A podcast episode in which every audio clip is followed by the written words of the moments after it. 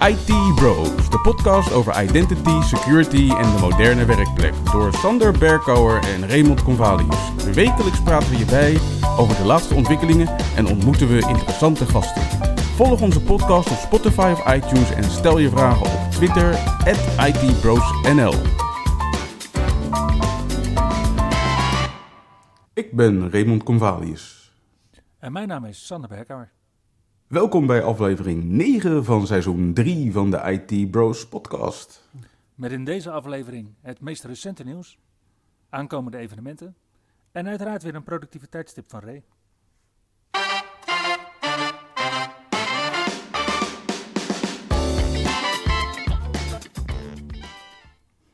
Maar we beginnen met het nieuws wat voor velen als een verrassing kwam. ja, er was Windows 11 nieuws, maar niet uit het Developer Channel of uit het Beta Channel deze week. Eigenlijk net zoals vorige week niet. Maar de Moment 2 update is there. Mag, mag ik heel even tijd om een uh, I Told You So dansje te doen? nou, die mag je bijna doen. Want wat is er gebeurd? Op 28 februari heeft Microsoft de nieuwe features gereleased. En eigenlijk zijn ze zeg maar gereleased als de non-security preview release updates voor komende Patch Tuesday. Oké. Dus op 14 maart krijgen we de Moment 2 update. Ja, alleen hij heet geen Moment 2 update. Hij heeft Oh, gewoon geen naam gekregen. Hij heeft gewoon geen naam gekregen.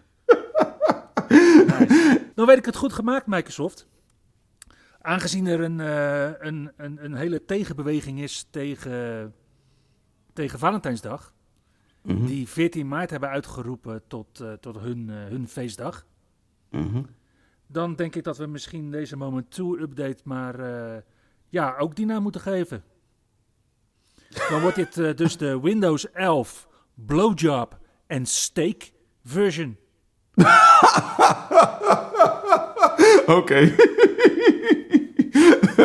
ik denk niet dat ze daar bij Microsoft heel blij van worden. Nee, ik denk niet dat dat hem wordt. Nee. nee, nee, nee. Maar we kregen wel een heleboel uitleg van onze vriend Hajit eh, Dhaliwal van Microsoft. De program manager van Windows. Die heeft uit de doeken gedaan dat ja, nieuwe features zijn niet meer voorbehouden aan nieuwe releases van Windows 11. Maar kunnen desnoods maandelijks worden geïntroduceerd. En als ze worden geïntroduceerd, heb je als corporate klant de mogelijkheid om die features tegen te houden. Daar hebben ze een policy voor geïntroduceerd, daar hebben we het ook over gehad. Ja, Alleen die policy die gaat niet alle features tegenhouden. Dus je moet ook nog in de gaten houden of een nieuwe feature een eigen policy heeft gekregen om hem tegen te houden. Ja, let that sink in. Hè? net toen ik zat te bedenken van, hé, hey, maar dat is fijn. En dan heb je nu een Microsoft met een eh, doe maar wat beleid rondom Microsoft features. En dan hebben we gelukkig als beheerders, hebben we dan dus een hele mooie group policy. En waarschijnlijk ook een, eh, een MDM eh, policy waarin we zeggen, nou, Ja, Microsoft doe maar niet. Maar stel je voor dat Microsoft niet doe maar wat, maar doe maar wat, doe maar wat doet. Dan moet je als beheerder, los van datgene wat je dus al hebt, mogelijk, doe maar wat meer. inderdaad. Dat is wel wat hij schrijft. dus eh, ja, er zit wel wat werk aan te komen. En nou, ben- nou ben jij zo'n zo'n zo'n zo'n Windows consultant, hè? Zo'n zo'n Mhm. zo'n client device expert. Af en toe ook nog, ja. Af en toe ook nog, ja. Ik denk dat dit wel heel veel meer nieuw werk oplevert. Dit gaat wel een dingetje worden. Ik vraag me ook af of dit zo gaat blijven. Maar goed, eh, Microsoft heeft wel vaker dit soort dingen aangepast naar aanleiding van client feedback. Mocht je benieuwd zijn naar de mening van Raymond over deze features, dan denk ik dat hij dat binnenkort op eh, nextexpert.com weer eh, nieuw gaat bloggen, denk ik. Toch? Zou zomaar kunnen. Ik heb nog geen plannen, maar wie weet, als het zover komt, laat ik het hier wel weten. Ja, doe maar wat. Ja. Maar goed, eh, ja, dus eh, de nieuwe features komen eraan. Geen nieuwe naam. We krijgen, we krijgen sowieso nog meer nieuwe features wanneer Microsoft zover is dat ze de 23H2 release gaan doen ergens in de tweede helft van dit jaar. Maar voor nu is dus de eerste grote bulk van nieuwe features is volgende week aangekondigd. En als je de complete lijst wil weten, dan zou ik zeggen, luister nog even naar de aflevering van vorige week. Daarmee was het nog niet afgelopen het nieuws voor Microsoft, want ze hebben deze week ook bekendgemaakt dat de nieuwe Microsoft Intune Suite een feit is. Oké. En nou ja, als je de feedback leest, is niet iedereen even enthousiast, want wat is er aan de hand? We hadden natuurlijk Microsoft Intune, dat eh, mooie eh, managementplatform. Ja, als, als onderdeel van EMS E3 en Microsoft 365 E3. Precies. En dat is nu uitgebreid tot een suite. Dus je hebt nu componenten erbij gekregen, zoals Remote Help en Endpoint Privilege Management of Advanced Endpoint Analytics.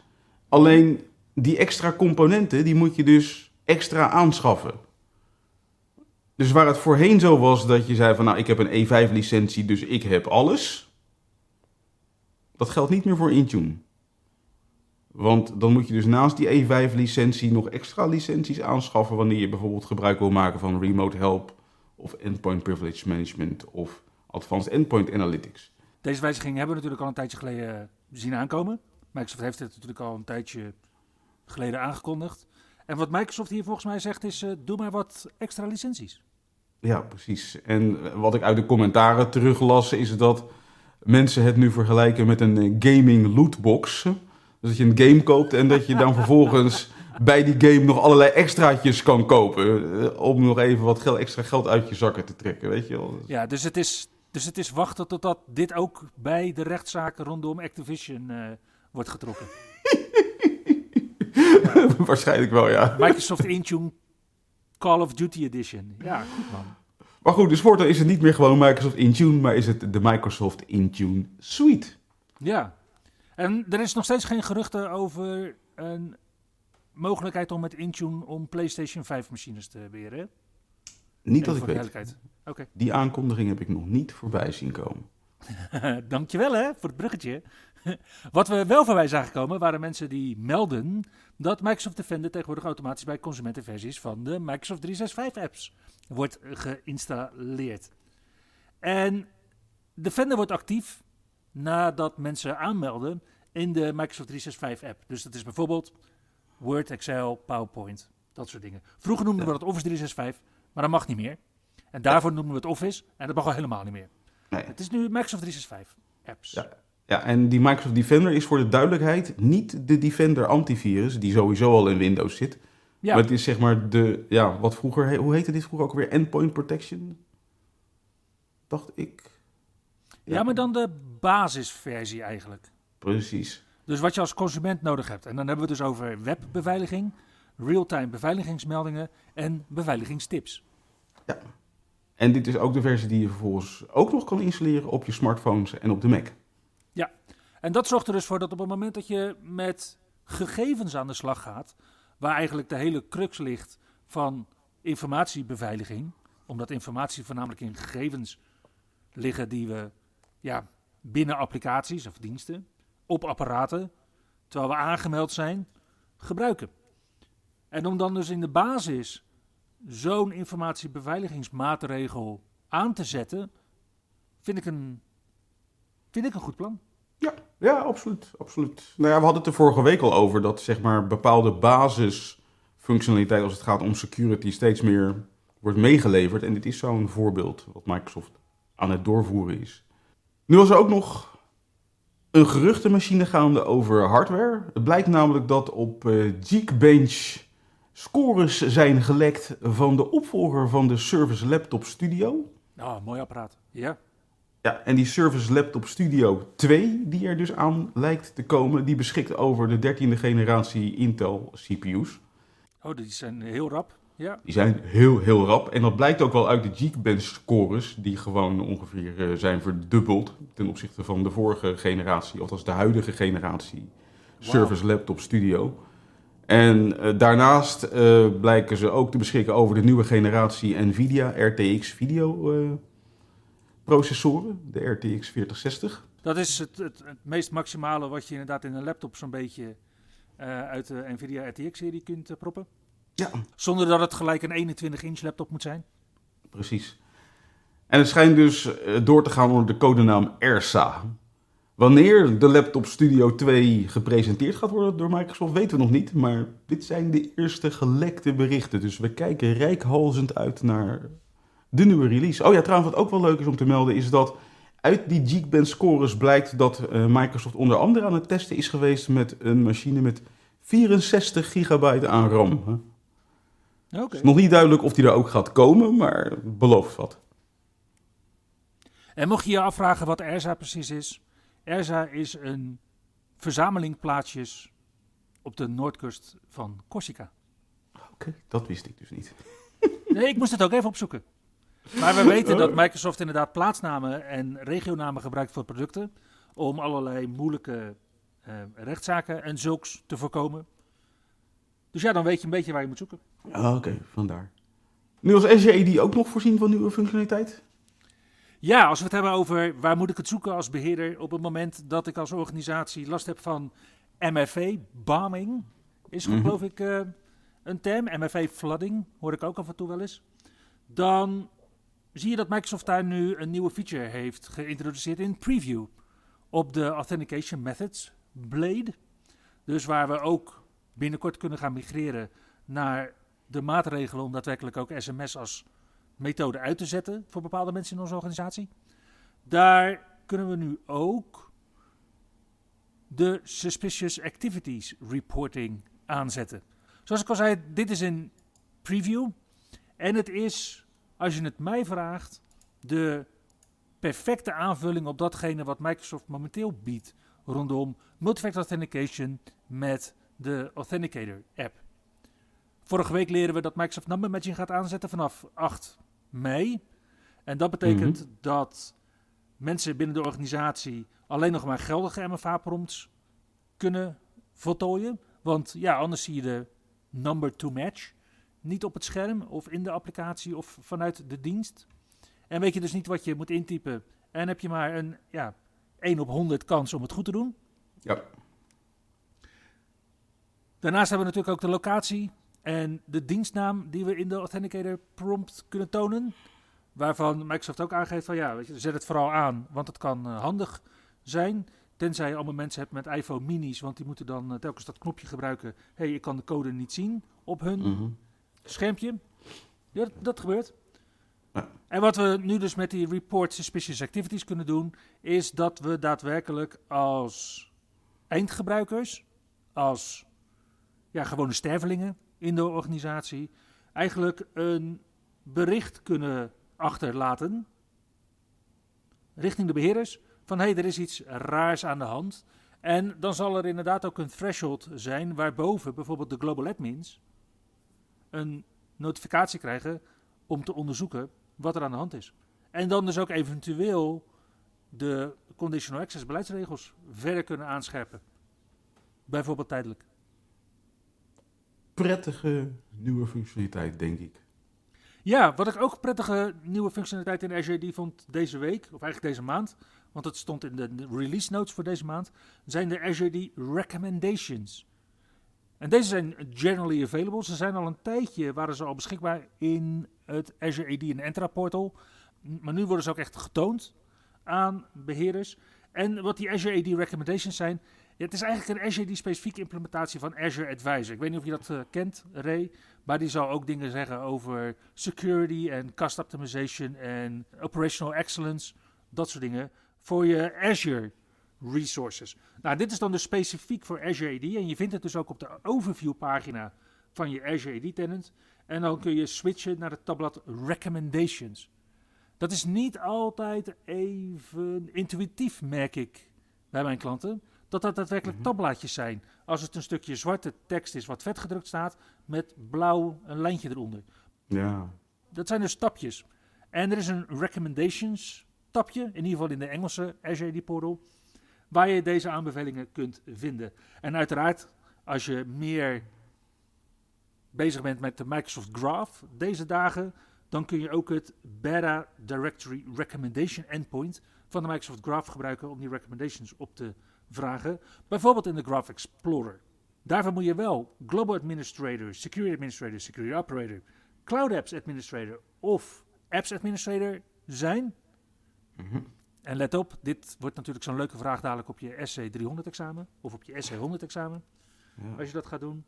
En als Reports Reader, Security Reader of Global Reader kun je ook alleen lezen toegang krijgen tot deze aanbevelingen. En er zijn momenteel vier aanbevelingen beschikbaar voor alle tenants. En dat is het omzetten van per user MFA naar conditional access. En als je Mhm. dat nog niet gedaan hebt, dan heb ik daar een blogpost ook over van eh 2,5 jaar oud inmiddels. Om applicaties van ADFS naar Azure AD te migreren. En als je daar nog niet mee bezig was, dan leef je misschien wel onder een steen. Of doe je zaken met Surf. Ja. Migreren naar de Microsoft Authenticator app. En natuurlijk het minimaliseren van MFA-prompts vanaf bekende apparaten. En heel veel van deze aanbevelingen zie je eigenlijk nu ook al terug in de Azure Workbooks. En ik denk dat Ja. deze aanbevelingen samen met de informatie uit de workbooks best wel eens heel interessant kan zijn voor beheerders om een methode te hanteren waarin we volgens het aloude Engelse spreekwoord eh, twee keer meten, één keer zagen en daarna op de plek rammen kunnen Ja. toepassen. Maar je had toch altijd al die security recommendations in Azure AD? Dat je eh, aanbevelingen kreeg over maatregelen om zeg maar je security score te verbeteren. Ja, de security score. En daar zeg je het heel erg goed, want dit gaat niet allemaal over de security score. Ah. En dat is af en toe een beetje tegenstrijdig, want als je van, ja nee serieus, als je van per user MFA naar conditional access gaat, dan zou het best wel eens kunnen zijn dat een medewerker minder geprompt wordt. Mhm. Dan zie ik al gelijk een aantal informatiebeveiligingsarchitecten op hun achterste benen staan. Want nee, deze persoon moet altijd geprompt worden. Ja. Ja, is dat zo? Ook als deze persoon eh plannen toepast of even het menu van de kantine gaat raadplegen? Ja, nee, ja, nee misschien, eh, misschien niet. En als we dan dat aantal prompts kunnen vermijden en alleen nog gaan prompten op het moment dat we ook echt eventjes de aandacht willen vestigen dat die persoon nu echt wel rechten gaat krijgen die wat meer kwaad kunnen? Is dat dan niet een betere informatiebeveiligingsstrategie? Hm, ja, ja, misschien ook wel. Ja. Dus een beetje korte termijn ver- versus lange termijn natuurlijk weer. Nou, dat ze niet alleen bij Microsoft alles weten over marketing en namen veranderen, bleek deze week wel weer toen Irma een nieuwe naam kreeg. Irma, wat wij kennen als I Reveal My Attributes. En wat Ja. ooit is geïmplementeerd als een app waarmee je zonder je identiteit volledig prijs te geven, toch zeg maar delen van je identiteit kan prijsgeven. Ja, het is eigenlijk de Nederlandse Verifiable Credentials implementatie avant la lettre. Ja. En Irma krijgt een nieuwe naam. En waar Irma nog heel simpel stond voor I reveal my attributes, hebben ze nu een nieuwe naam, Yivi. Geen idee waar het voor staat. En soms is dat ook gewoon goed, hè? Soms wel, ja. Er zijn ook organisaties die hun namen hebben ontleend aan bepaalde technologie die helemaal niets meer zegt. Ik, eh, hallo SSCT. En ja, dan moet je daar op een gegeven moment moet je daarmee mee stoppen. En ik denk dat wanneer Irma Yivi wordt, dat het misschien ook gewoon wel goed is dat we niet weten waar Yivi voor staat. Nou, momenteel is Yivi beschikbaar als eh, beta. En vanaf 4 april zal iedereen die Irma gebruikt de nieuwe naam en het nieuwe uiterlijk voor zijn snuffert eh, krijgen. Want dat is de datum die Citen hanteert om deze transitie te voltooien. Een andere transitie die ook gaande is, is bij eh, Google eh, duidelijk eh, een trend aan het worden. Namelijk end-to-end versleuteling, of ik moet zeggen client-side versleuteling voor de Google Suite. We hadden al client-side versleuteling voor Google Drive, Google Docs, Slides, Sheets en Meet. En sinds deze week is het ook beschikbaar voor Gmail en Calendar. En ik denk dat dat een hele gewenste aanvulling is geweest voor organisaties die gebruik maken van de Google Suite. Betekent dat alle data die je gaat versturen in je mail, dus voortaan ook versleuteld kan worden nog voordat je de data uploadt naar Google. Mhm. En dat kan een hele belangrijke zijn. Ja, dat is inderdaad een belangrijke informatiebeveiligingsmaatregel. De vraag is alleen of Google zich hiermee op langere termijn de toegang tot de markt in het Verenigd Koninkrijk ontzegt. Omdat in het Verenigd Koninkrijk hoor ik nu steeds vaker signalen dat ze daar inderdaad backdoors willen hebben tot dit soort end-to-end versleutelingsmechanismes. Ja, maar dan denk ik dat heel veel software het gaat laten afweten in het Verenigd Koninkrijk. Ja, dat is natuurlijk wel de hoop dat op zo'n manier dit soort politieke beweringen kunnen worden afgestraft. Precies. In ieder geval, de client-side encryption voor Gmail en Calendar wordt niet standaard aangezet. Je zal het aan moeten zetten als beheerder of als gebruiker per bericht moeten enablen. En het is beschikbaar voor alle klanten die beschikken over een Workspace Enterprise Plus abonnement, een Education Standard abonnement of een Education Plus abonnement. Verder was er afgelopen week ook nog een update vanuit LastPass. We weten dat LastPass afgelopen jaar gehackt is geweest, waarbij uiteindelijk de hackers toegang hebben gekregen tot de versleutelde wachtwoorddatabases van de klanten van LastPass. Die ze vervolgens inderdaad gingen broedforcen.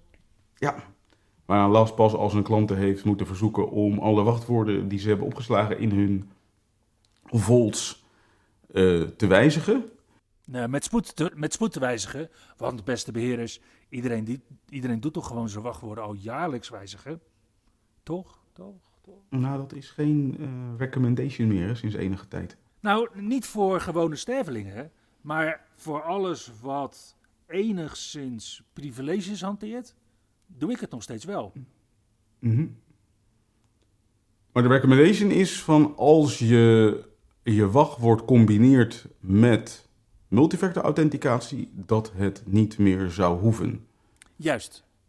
Juist, maar de meeste wachtwoorden die in dat soort wachtwoordkluizen staat, heeft die functionaliteit natuurlijk niet. Eh, dat is inderdaad nog regelmatig zo. In ieder geval, de hack van LastPass, beweert LastPass in ieder geval, schijnt nu te zijn begonnen met de hack van een personal home computer van een DevOps engineer. Die was gehackt met een keylogger en dat vervolgens met die informatie in de hand de hackers verder zijn gegaan en toegang hebben weten te krijgen tot onder andere uh, de Amazon AWS Cloud Storage servers, waar. LastPass gebruik van gemaakt hebben en dat daarmee uiteindelijk toegang is gekregen dus tot de vaults van de diverse klanten. Wat ik me dan weer afvraag is van waar is dan de multifactor authenticatie in dit verhaal, met name richting eh, Azure of eh, Amazon AWS. Ja, waarschijnlijk zit daar juist een, ja, Ja, net als de RGD recommendation om inderdaad MFA-prompts op bekende apparaten te verminderen.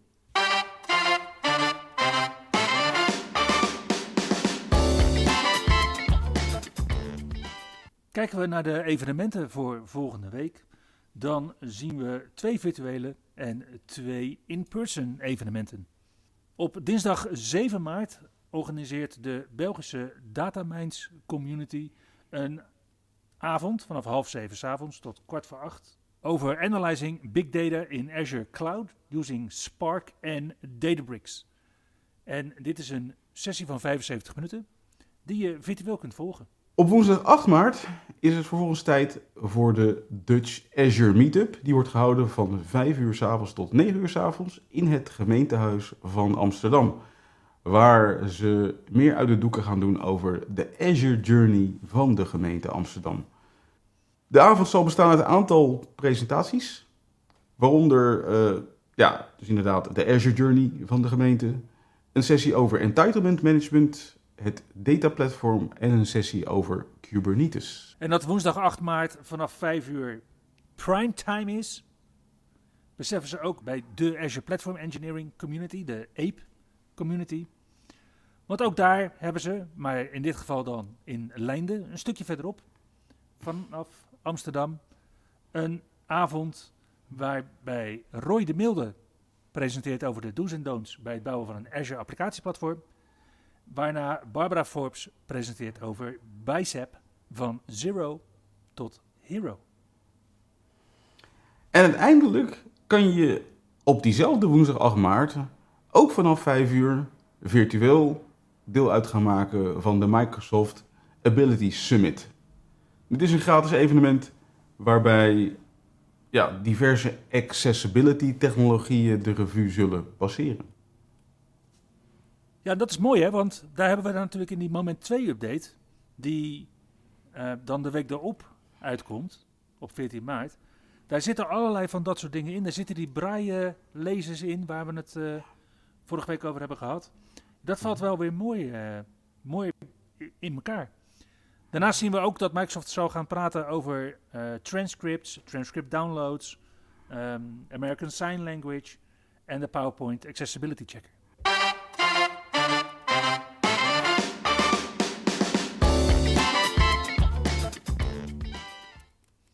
Hey Ray, wat is de productiviteitstip van deze week? Nou ja, we zijn de afgelopen maanden regelmatig teruggekomen op Winget. Ja. En Winget uh, kent uh, van huis uit een uh, command prompt ja, bediening, zeg maar. Mm -hmm. Door met Winget, bijvoorbeeld Winget install, ja, een installatiecommando te geven. En nu heeft uh, Marty Clement heeft een user interface ontwikkeld, oftewel een grafisch user interface ontwikkeld voor onder andere Winget, om dit dus in een ja, wat meer gebruikersvriendelijker jasje te steken. En dat heet de Winget UI. En deze Winget UI is niet eens alleen bedoeld voor Winget, maar ook geschikt voor Chocolatey en Scoop. Nou, Chocolatey hebben we het inderdaad al eens over gehad. Mm -hmm, samen met Maries. Precies. En je kan dus nu met Winget de Winget UI installeren. Dat is een uh, hele simpele installatie door te zeggen Winget spatie install spatie Winget UI. Waarna je een grafisch user interface krijgt waarbinnen je, waarbinnen je onder andere zeg maar, heel overzicht krijgt van wat is er beschikbaar als Winget package om te installeren. Maar ook een makkelijk overzicht van welke Winget geïnstalleerde software is aan een update toe. En je kan ervoor kiezen om geïnstalleerde software met Winget te deinstalleren vanuit uh, de grafische UI. Verder zitten ook nog allerlei extra functionaliteiten in. Dus je kan bijvoorbeeld ook gewoon je Winget packages exporteren, zodat je ze elders weer kan importeren. Maar je kan er bijvoorbeeld ook voor kiezen om oudere versies van software te installeren vanuit de Winget UI. Al met al, ja, leuk stukje software. En Marty werkt er hard aan om deze software verder te verbeteren. Dus uh, alleszins een, uh, een, leuke manier om uh, met een grafische user interface met Winget aan de slag te gaan. Handig. Of met Chocolatey natuurlijk. Of met Chocolatey natuurlijk, ja. Handig hoor. En daarmee komen we aan het einde van aflevering 9 van seizoen 3 van de IT Bros podcast. Dankjewel voor het luisteren. En tot volgende week. Tot de volgende week. Je luisterde naar IT Bros, de wekelijkse podcast over identity, security en de moderne werkplek. Abonneer je op Spotify, iTunes of Google Podcast als je de volgende aflevering niet wilt missen. Heb je hints of tips? Laat dan van je horen op Twitter. @itbrosnl